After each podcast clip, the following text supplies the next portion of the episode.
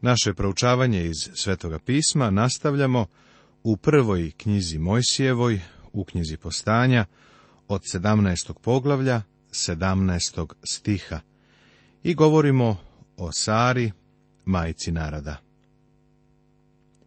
Tada pade Avram ničice i nasmeja se, govoreći u srcu svojem, e da će se čoveku od sto godina roditi sin i Sari, e da će žena od 90 godina roditi? Stari Avram samo se nasmejao. Ovo nije bio smeh nevere. Mislim da je ovo pre bio smeh prave radosti zbog onoga što će se desiti. Siguran sam da si i ti imao slično iskustvo. Nekada Bog u našem životu čini stvari koje su tako divne da bismo se prosto nasmejali ne znaš šta bi drugo činio povodom toga, nego da se nasmeješ. Bilo je to nešto nečuveno. Ovdje je postojala mrtvost Sarine materice, a i Avram je bio mrtav u tom smislu. Da li si nekada primetio kako je apostol Pavle ovo opisao?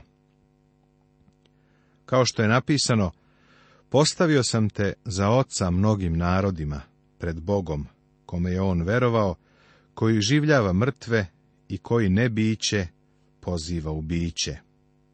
Avram se i mimo nade nadao i poverovao je da će postati otac mnogim narodima. Kao što je rečeno, tako će biti tvoje potomstvo. I nije oslabeo u veri, kada je uzeo u obzir svoje već izumrlo telo.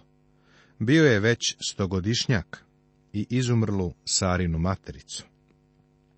U Božje obećanje nije posumnjao s neverovanjem, nego bi, ojačan u veri, te dade slavu Bogu, potpuno uveren da je Bog kadar i učiniti ono što je obećao.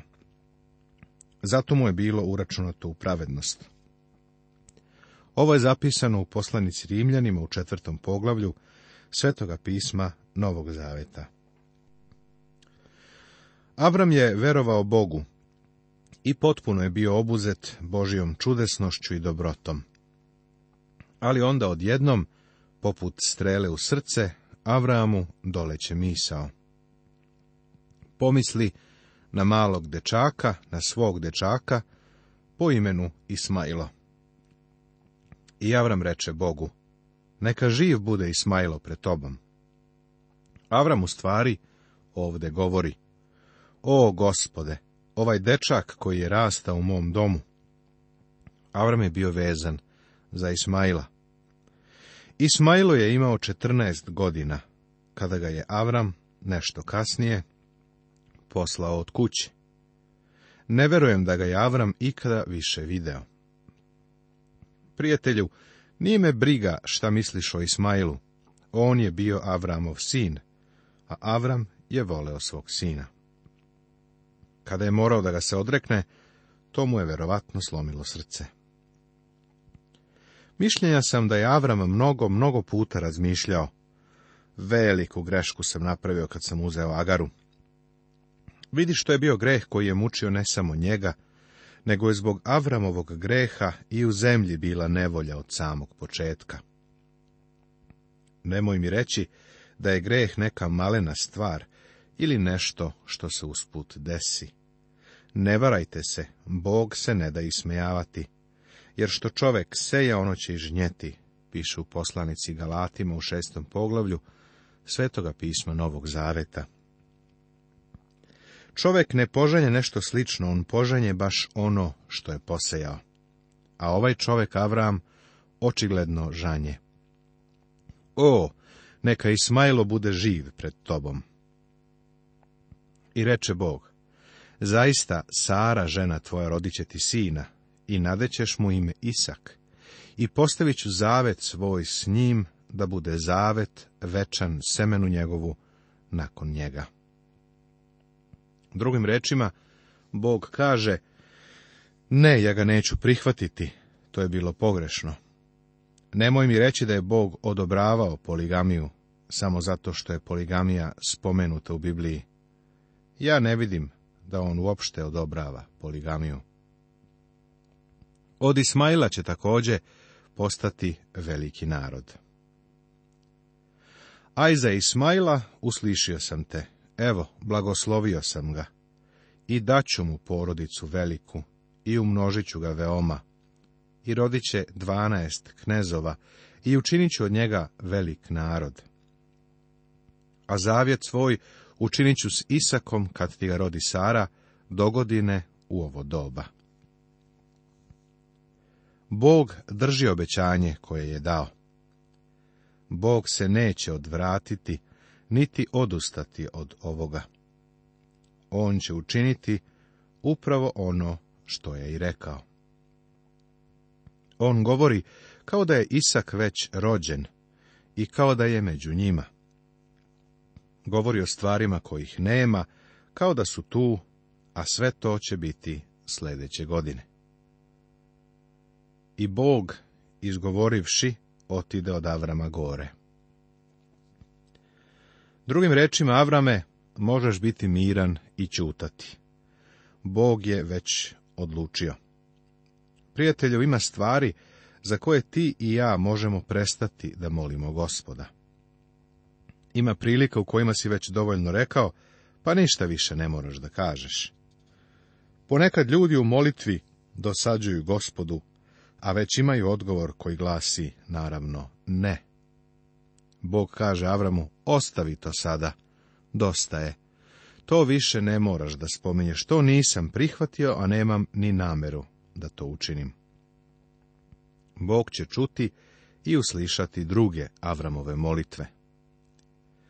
Vidjet ćemo da Bog sluša kada Avram govori. Međutim, u slučaju zaveta, Bog sklapa zavet sa Isakom, a ne sa Ismailom. To je sređeno, pa bi Avram baš mogao da prestane da se trudi da Bog promeni mišljenje. Mnogo ljudi se danas moli za stvari koje Bog možda uopšte ne namerava ni da čuje, ni da usliši. Ja se trudim da budem veoma pažljiv kada tražim od ljudi da se mole za određene stvari.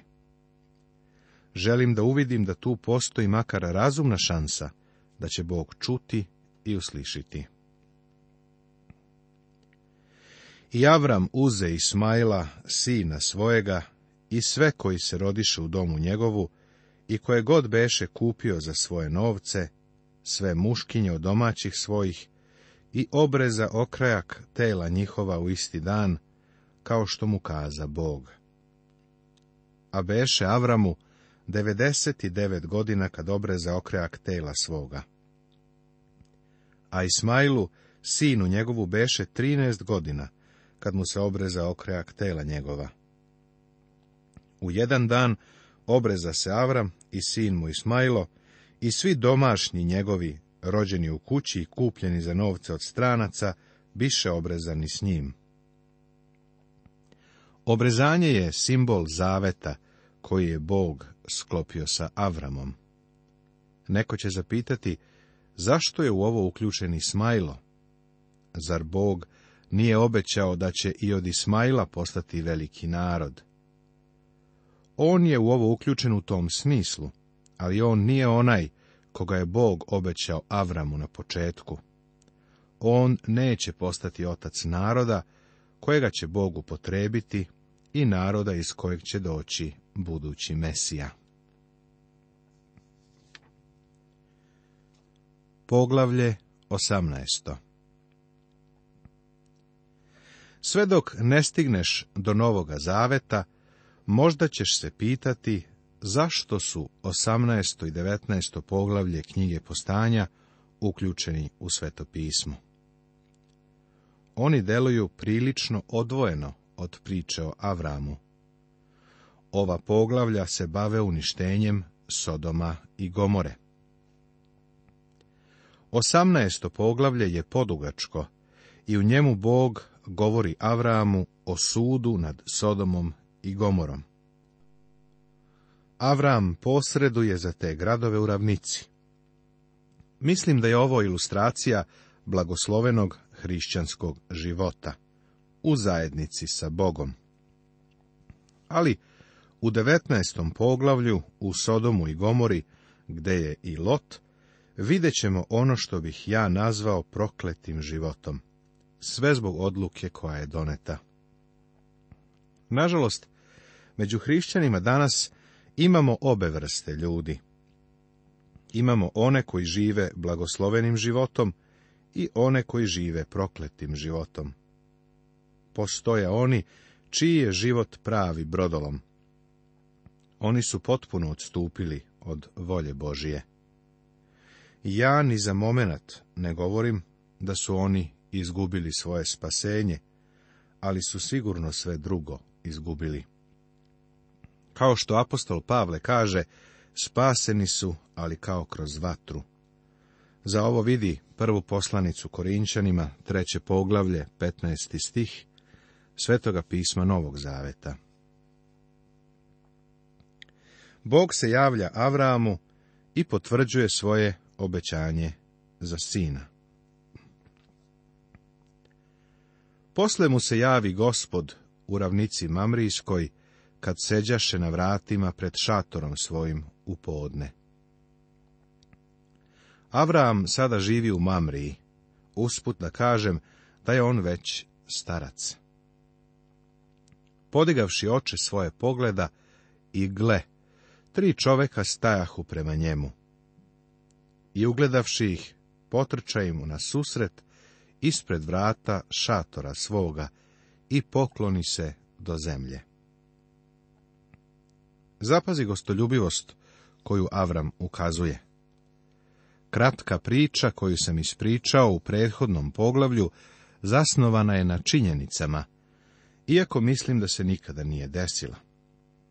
Poenta je u tome da je Avram vrlo darežljiv i gostoljubiv čovek. I reče gospode, ako sam našao milost pred tobom, nemoj proći sluge svojega.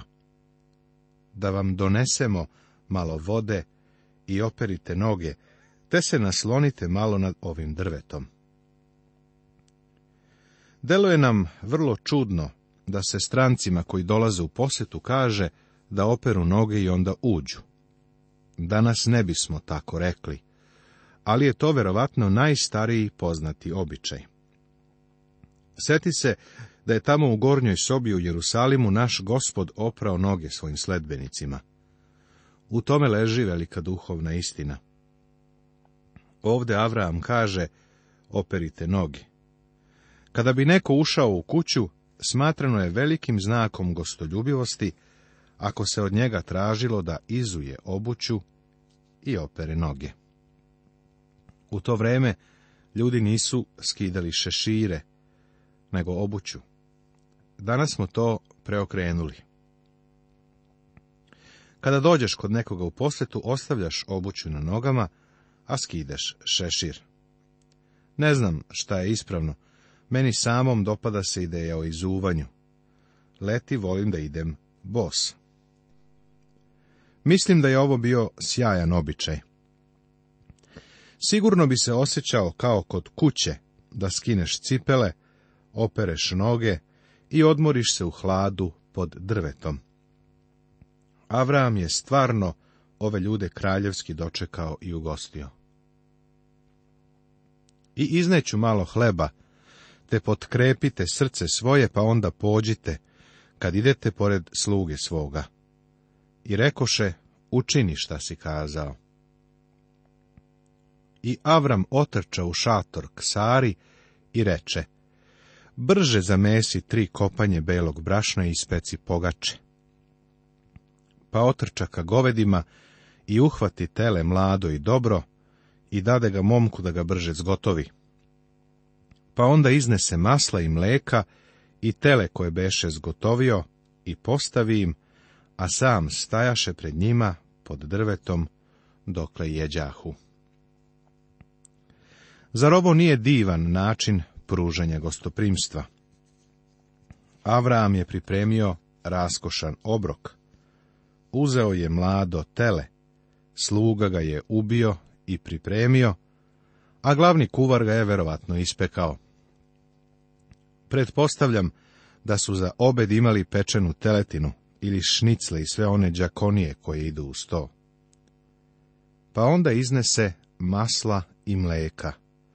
Ovo je baš bila gozba. Avram ugošćava sva tri posetioca. Zatim otkrivamo da su ovi gosti kraljevskog porekla. U Novom Zavetu nam je rečeno da su neki njome, ne znajući, ugostili anđele. Vidi poslanicu jevrejima, 12. poglavlju, Svetog pisma Novog Zaveta. To je bio Avram, nije znao koga je stvarno ugostio.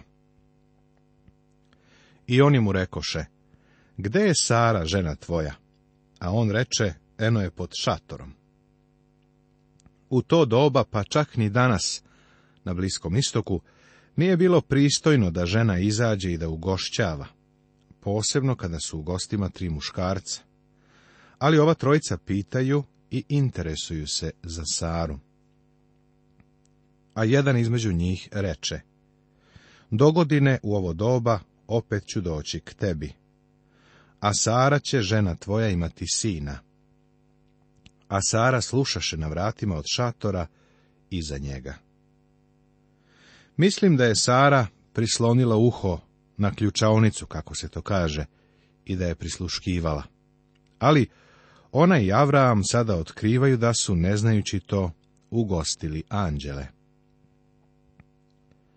A Avram i Sara bijahu stariji i vremeniti, i u Sare beše prestalo što biva u žena. Zato se nasmeja Sara u sebi govoreći, pošto sam ostarila, sad li će mi doći radost, a i gospodar mi je star. Sara se pita, da li je moguće da ću ja imati sina i smese. Kakva je to vrsta smeha? Mislim da je to onaj smeh kojim kažemo da je nešto suviše dobro da bi bilo istinito i to je sve. Ponovo sam siguran da su mnogi od nas tu vrstu smeha iskusili. Bog nam je bio tako dobar u nekim prilikama da smo se samo nasmejali. Desilo se nešto što je bilo jednostavno suviše dobro da bi bilo istinito. Na ovaj način se i Sara smejala. Ona svojim smehom kaže: Ovo je nešto isuviše dobro da bi bilo istinito. To jednostavno ne može meni da se desi. Tada reče gospod Avramu, što se smeje Sara, govoreći istina li je da ću roditi kad sam ostarila? Ima li što teško, gospodu? Dogodine u ovo doba opet ću doći k tebi, a Sara će imati sina. A Sara udari u bah, govoreći, nisam se smejala, jer se uplaši. Ali on reče, nije istina, nego si se smejala. Sara je prestrašena gospodnim pitanjem, pa je ustuknula, ali istinu ne može da izbegne. Potom ustaše ljudi odande i pođoše put Sodoma, a Avram pođe da ih isprati. Avram nije imao ulaznu kapiju, pa je sa njima išao i izašao malo dalje, da bi ih ispratio i pozdravio se na rastanku. Dok su odlazili sa mesta na kome je živeo, mogli su da vide Sodom i Gomoru. Kada sam ja bio u toj zemlji, bio sam zapanjen koliko daleko unaokolo možeš da vidiš po vedrom danu. Mogao sam da vidim sve od Jerusalima do A sa ruševina stare Samarije video sam i Jerusalim, i Mediteransko i Galilejsko more. Sa skoro svakog mesta sam video goru Hermon. Divno je. Avram je pratio svoje goste, a dole ispod njih gledali su Sodom i Gomoru. U to vreme ova dva grada su bila velika stecišta naroda i sigurno su bila divna mesta za stanovanje. Bog objavljuje dolazeće uništenje Sodoma i Gomore. A gospod reče, kako bih tajio od Avrama šta će učiniti? Sve do sada, Bog Avramu nije otkrio šta namerava da učini sa Sodomom i Gomorom, a namerava da ih uništi kako bih tajio od Avrama šta ću učiniti. Obrati sada pažnju na razlog zašto Bog to neće tajiti od Avrama. Kad će od Avrama postati veliki silan narod i u njemu će se blagosloviti svi narodi na zemlji. Avram će biti čovek od velikog uticaja. Uticaće će na mnoštvo naroda, čak i na nastupajuće generacije. Ovo važi čak i danas.